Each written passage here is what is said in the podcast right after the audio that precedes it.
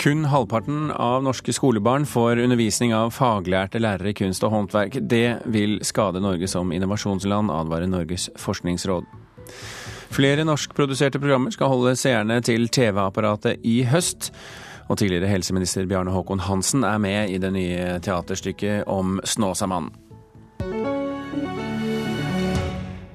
Det vil si, han er ikke med i sin egen person, men han er liksom med likevel. Det er skolestart denne uken, men kun halvparten av elevene i grunnskolen får undervisning av faglærte lærere i sløyd, tekstil og kunst.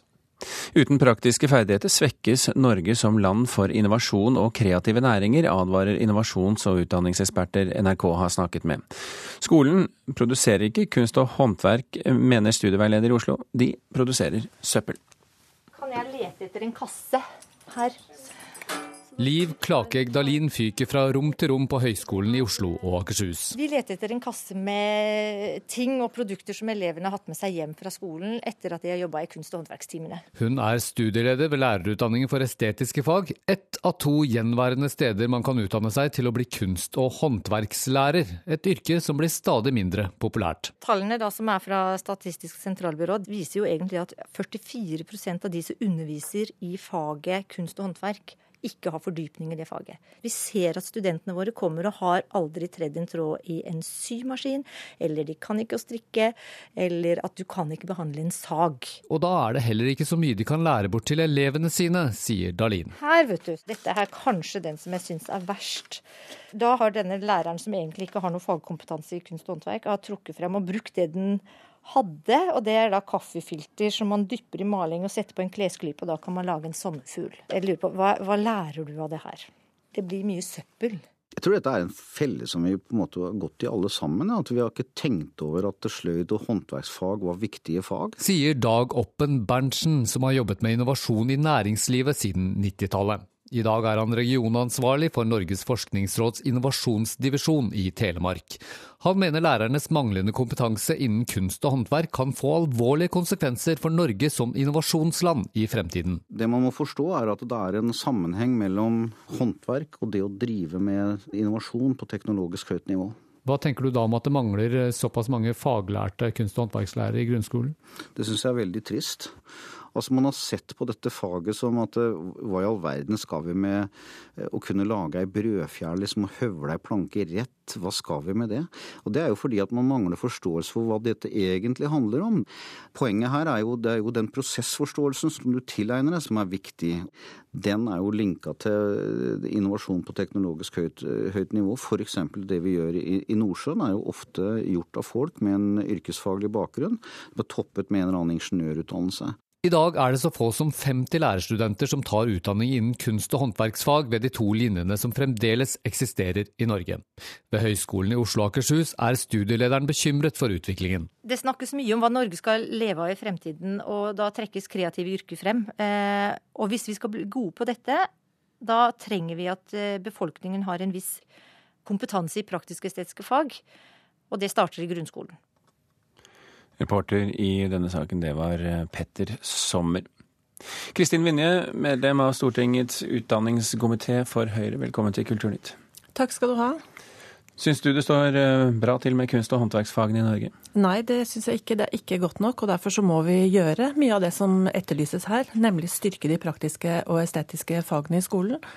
Uh, og det har vi allerede varslet at vi vil gjøre. Stortinget har nettopp mottatt en egen stortingsmelding om skolen i fremtiden, og der trekkes nettopp frem at vi må styrke de praktiske og estetiske fagene. Det har vært etterlyst i mange år, og nå må vi gjøre den jobben. Men hva er grunnen til at uh, kunst- og håndverksfagene har blitt så vidt svekket de siste årene?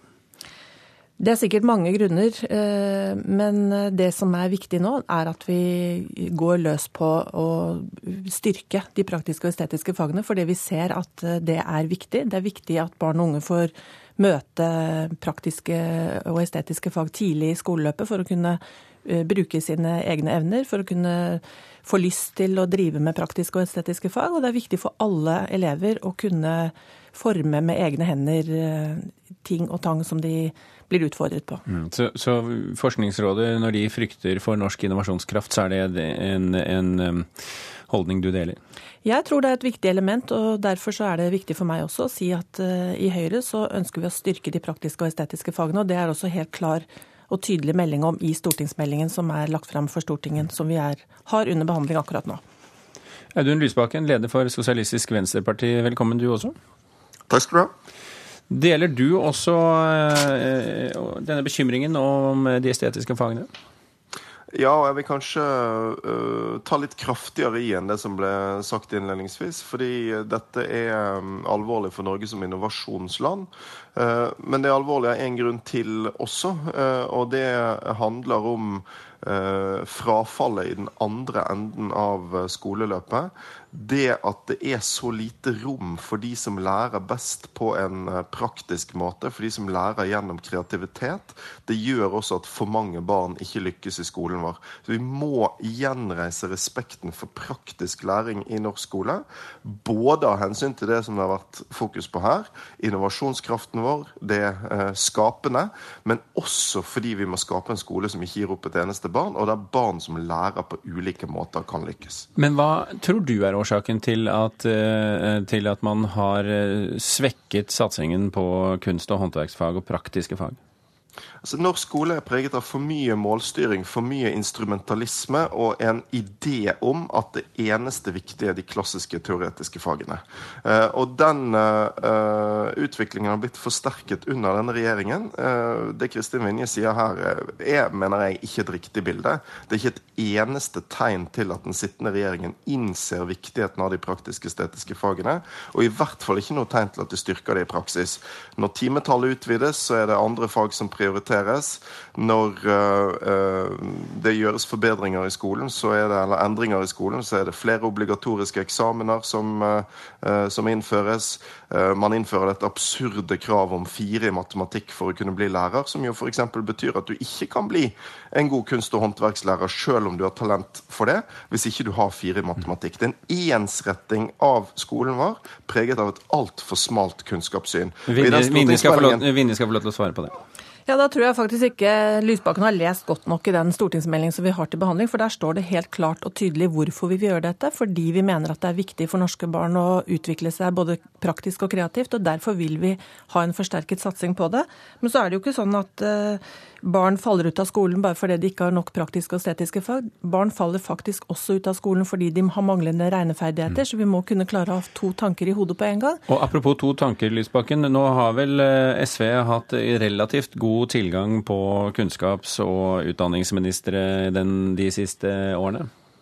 Ja visst. og uh, En av de tingene vi uh, gjorde, var jo f.eks. å gjennomføre valgfag i ungdomsskolen, der uh, design f.eks. er blitt et av de mest praktiske, men, mest populære men, fagene. Men, og, nei, vent litt, Lysbakken. Fordi... Nei, hold, hold an litt. Ja. Fordi at den akadem, akademiseringen vi har sett i det norske skoleverket, det er vel ikke bare Høyre sin skyld? Det er vel ja, også regjeringen som dere satt i?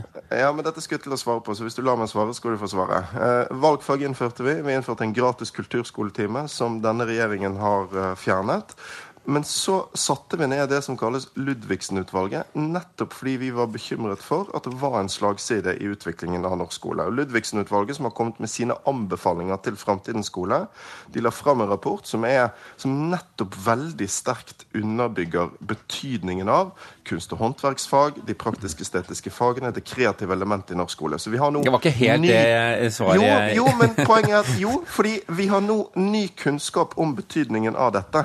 Og da er det store spørsmålet i norsk skolepolitikk. Hvordan følger vi det opp? Mm. Kort til slutt, og det her sitter jo... Nå har vi fått en ny stortingsmelding der Høyre ikke sier at de vil gjøre det, men at de vil vurdere å styrke kunst- og håndverksfagene. Og, og Vinje sitter her og kan svare på det. Kort replikk til deg. Ja, det er helt feil. Vi vil styrke de praktiske og estetiske fagene. Og jeg vil også minne om at vi har hatt en formidabel videreutdanningssatsing som også gjelder at vi skal ha mer kompetanse blant lærerne som underviser også i kunst- og håndverksfagene. Så her vil vi gjøre mye fremover som kommer både praktiske og estetiske fag til gode fremover. Og så blir det spennende å se om det også blir karakterkrav fire for de praktisk-estetiske fagene. Det eh, gjenstår å se. Kristin Vinje og Audun Lysbakken, takk for at dere kom til Kulturnytt.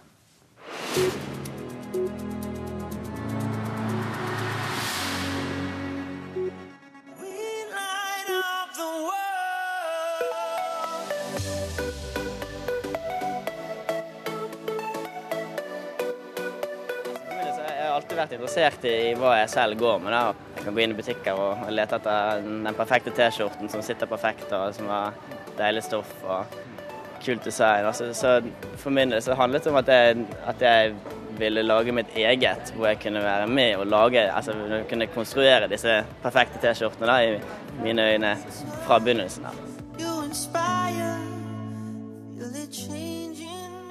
Ja, du hørte her eh, Kyrre Gjørveldal, eller Kygo som han eh, er best kjent som, eh, for bare dager etter at Kygo hadde sin drømmeuke, der han avsluttet OL i Rio, presenterte sitt nye klesdesign på catwalken i Norge og spilte på Cloud9-festivalen i hjembyen Bergen.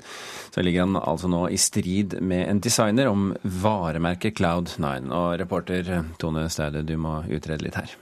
Ja, Kygo er vel eh, neppe i den sjuende himmel eller spesielt lykkelig, for det er vel det som ligger i dette begrepet Cloud 9. Han, eh, det er både navnet på Kygos debutalbum og et varemerke. Et lite problem er at eh, designeren Rita Scheffer registrerte dette varemerket i 1999, og i 2011 lagde hun et aksjeselskap. Mm. Eh, det er VG som skriver om eh, denne saken i dag, eh, Tone.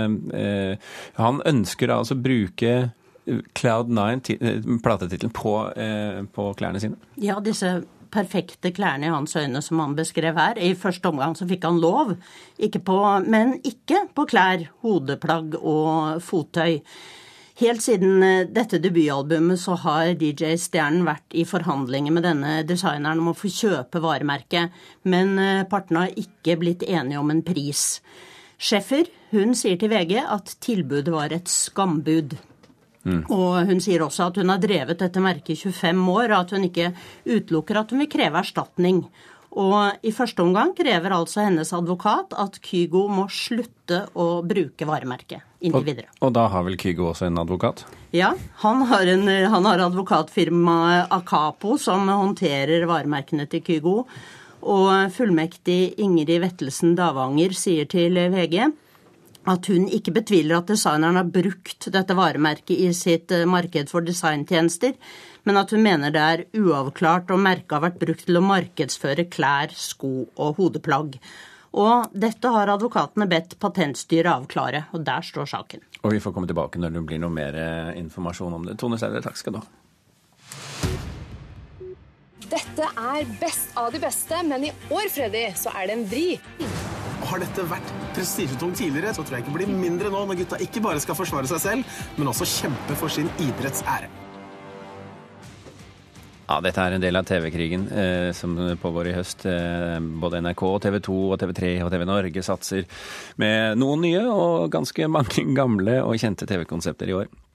I går lanserte TV 2 sitt høstprogram, som bl.a. inneholder det du hørte her, Best av de beste. Nå med da altså en liten twist. Lag. Lagkonkurranse. Medieviter Gry Cecilie Rustad, velkommen til Kulturnytt. Takk. Hvis vi ser på eh, kanalens eh, TV-tilbud under ett, altså TV 2 da, som vi snakker om nå i første omgang, hva, hva syns du? Eh, det ser ut som de har satset ganske tradisjonelt på mange kjente og kjære eh, konsepter. Veldig mye dokusåper, reality-konkurranser og litt egenproduserte uh, fiksjonsserier. Eh, jeg syns jo den Linn Skåber-serien ser ganske morsom ut. Og den ble innspilt i bakgården min, så den skal jeg virkelig prøve på med meg. Ekstra spennende for, ja. for deg.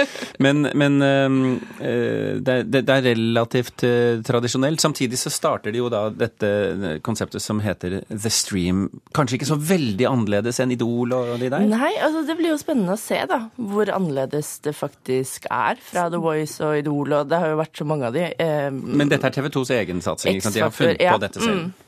Men ja, det er vel Ja, det blir spennende å se. Det er jo ingen som vet helt hva det kommer til å gå ut på. Men eh, alle de foregående eh, konseptene har jo vært ganske like, og det er jo kanskje Jeg vet ikke, det virker som det er det er litt begrenset for hvor mye rart og nytt du kan gjøre i en musikkonkurranse. Du, du, har jo vært innom det eh, allerede. Det, vært, eh, det, er no, det, er en god del eh, godt kjent, og så er det en, noe nytt. Har de funnet balansen her, syns du? For litt av poenget er vel å ha noe gammelt og kjent også?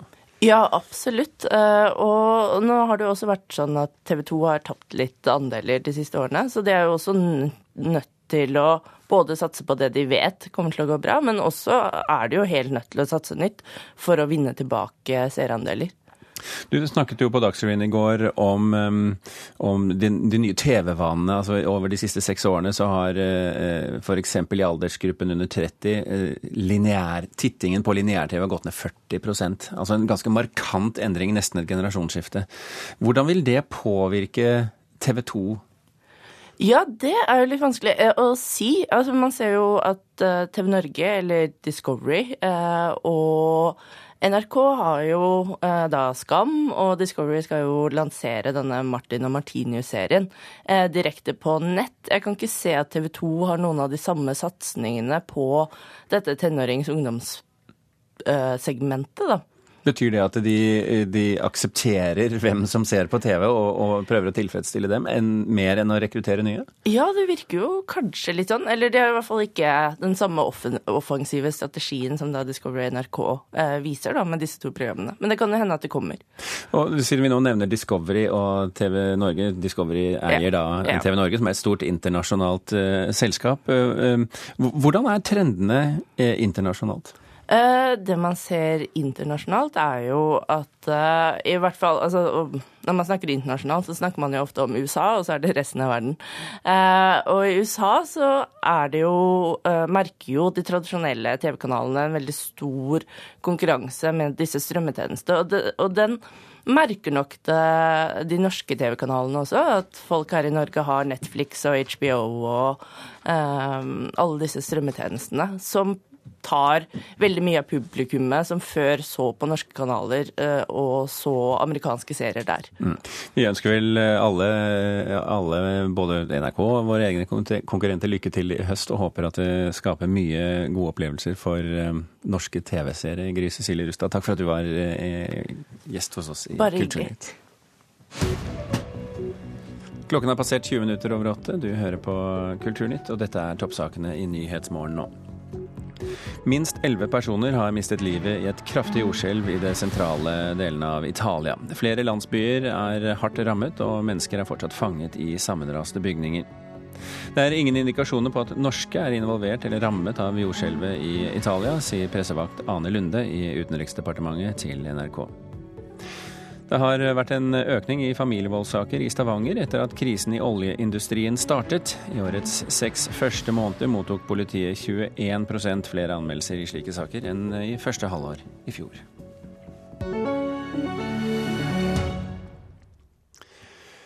Kunstneren eh, Adel Abidin er født i Bagdad, men utdannet i Finland, og nå vises han for første gang i Norge. Men ikke i et uh, tradisjonelt galleri. Han har fylt hele fasaden på Oslo S med machomenn i boksershorts, med en liten feminin twist, hvis vi kan kalle det det. Og vil derfor bli sett uh, av flere hundre tusen mennesker hver dag, i hvert fall potensielt. Mona Palle Bjerke, kunstkritiker her i NRK. Det må jo være en uh, drøm for en kunstner å ha et så stort publikum? Ja, det er en veldig, veldig flott, et flott sted å eksponere selvfølgelig på en fasade sånn. Og i tillegg er han jo i fotogalleriet nå med arbeider, så han har en veldig fin eksponering nå i Norge. Vises for første gang. Dette er jo en kunstner som har en veldig stor utstillingsaktivitet bak seg. Han er i begynnelsen av 40-årene. Som du sier, han er Helsinki-basert irakisk eh, kunstner og jobber med populærkulturen og den visuelle medievirkeligheten. Og han er på sitt aller beste når han er litt subtil og underfundig. Mm, blant annet arbeider han har lagd tidligere hvor han trekker veksler på sine egne erindringer fra eh, tenårene i Bagdad under den amerikanske invasjonen. F.eks. noen nesten magisk realistiske filmer som han har laget. Men, er det mulig å være subtil med enorme plakater på Oslo S, der eh, flere hundre tusen går forbi hver dag? Nei, her er han ikke så veldig subtil. Og her er er det altså machomenn i boksershorts. Eh, sånne muskuløse, bredskuldrede, bredbente menn. Noen av dem veldig veltrente, andre tidligere veltrente. Og de, det som er tvisten her, som du sier, det er jo at de har gjort dette trikset med å putte penis mellom bena, skjule penis, og så trekker de boksershortsen opp sånn at det ser ut som de har jentetiss. Eh, rett og slett. Og hva er poenget med det? Ja, Det er jo som han skriver veldig tydelig på en plakat ved siden av og i pressemeldingen, å tematisere vårt forhold til altså, kjønnsstereotypier. da, Og det at vi forventer at disse tøffe karene skal selvfølgelig ha en veldig velfylt uh, boksershorts, og så har de plutselig jentetiss. Det er liksom uh, å utfordre kjønnsstereotypier. Da. Og apropos uh, kjønnsstereotypier, han har jo arbeider også i, i fotogalleri, som du sier. Michael Jackson var jo på sett og vis også litt sånn, ikke androgyn helt, men Ja, han er jo mye mer androgyn enn skikkelsene på Oslo S. ja, det kan man si.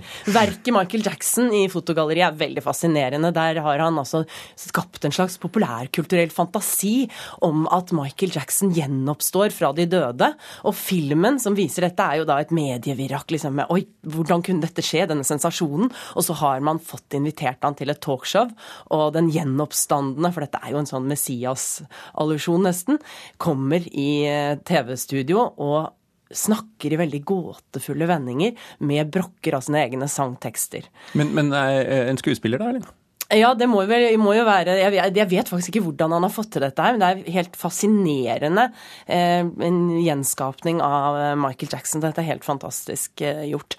Og dette er jo eh, Jeg tenker jo at denne dette verket har interessante sider, selv om selve innsikten eller ideen om at kjendisen er den nye guddom, er jo på en måte ikke helt flunkende ny. Men, men det er gjort på en original eh, og litt morsom måte. Skal vi konkludere da på sett og vis at dette er to, verker med høyst uh, divergerende kvalitet? Ja, for jeg syns jo det på Oslo S det vipper jo inn i det helt uh, banale.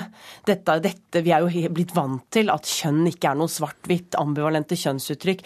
Vi er blitt vant til at kjønn ikke bare er en kroppslig realitet, men også en kulturell standard. Dette er på en måte å sparke inn åpne dører. Den tvisten med at disse tøffingene har noe som ligner på jentetiss, det er verken veldig utfordrende eller veldig tankevekkende. Så, det skiller seg kanskje ikke så mye fra reklamen som allerede henger på veggene Nei, der? Men der kunne det jo ligget et potensial, hvor han kunne nettopp uh, tematisert dette spesielle stedet, som er nesten som et lite Times Square i Oslo. Men dette forspilles litt med at dette uttrykket blir såpass platt, syns jeg.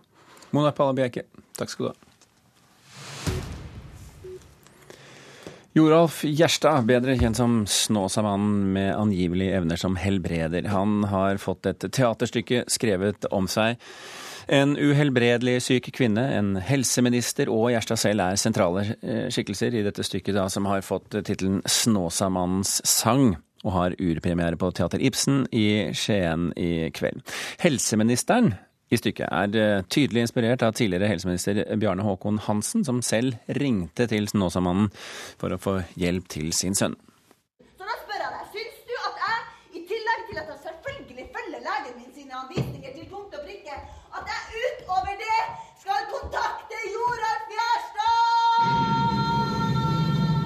Skal den alvorlig syke kvinnen søke hjelp hos Snåsamannen Joralf Gjerstad? Spørsmålet kommer tilfeldigvis opp når hun reiser landet rundt for å samle inn penger til kreftsaken, forteller skuespiller Mari Dahl Sæther. Akkurat denne etappen de går nå, den går et eller annet sted i Nord-Trøndelag, og det er ikke så veldig langt til Snåsa. Så um, hun har i prinsippet mulighet til å ta en liten omvei inn der. Og jeg har en uh, følgesvenn på tur som veldig gjerne vil at jeg skal dit, fordi uh, Altså, hun mener uh, hvordan kan jeg vite, hvordan kan jeg være så sikker på at han ikke kan gjøre noe for meg, mens jeg er på min side veldig Altså det er uaktuelt for meg å dra eh, til Snåsa. Og så havner eh, min, helseministeren midt oppi denne eh, dragkampen, da. Tror du på de vitnesbyrdene som omtaler mirakler? Det finnes mange sånne, både troverdige og mindre troverdige, men tror du i det minste på noen av dem? Hva tror du? Jeg? Det eneste jeg vet, at det finnes mye mellom himmel og jord som vi kan forklare. Snåsamannens sang er et samarbeid mellom Teater Ibsen, Nord-Trøndelag Teater og Riksteatret, og stykket vil bli spilt på 46 forskjellige steder. Tore Granås fra Nord-Trøndelag Teater spiller helseministeren, som er inspirert av tidligere statsråd Bjarne Håkon Hansen. Han blir jo pressa veldig eh, på å ta stilling til visse ting da, i forhold til det med å gå til Snåsamannen eller ikke, osv. Eh, og det er han ikke så veldig villig til å eh, gi noe tydelig svar på til å begynne med, i hvert fall. Hvor mye har du tatt med deg Hansen inn i rollen her? Vi har vel bevisst eh, eh, styrt litt unna den å ligne mest mulig osv. Eh, jeg tror linken er tydelig nok. Som det står i manus, det står ikke Bjarne Håkon, det står ministeren. Så det er jo derfor anla en liten bart for anledningen, og for han hadde jo ikke det. Men, men eh, linken til han er tydelig. Men jeg har ikke brukt det bevisst, annet enn det jeg vet om han fra før. Så jeg har ikke gått inn i noe personstudering av han, liksom. Det har jeg ikke gjort. Ja, det sa Tore Granå, som er en av skuespillerne i Snåsamannens sang. Reporter her, det var Tom Ole Buås. Og er du nysgjerrig på om sceneversjonen av Snåsamannen er blitt vellykket eller ikke, så må jeg få lov til å anbefale deg å høre på Kulturnytt også i morgen tidlig, for da kommer nemlig vår teateranmelder til studio og sier hva hun syns om stykket. For som alt bare går rett til helvete. Det er nå jeg skulle vært friskere da enn jeg var da jeg det er ikke. Det er verre nå, liksom.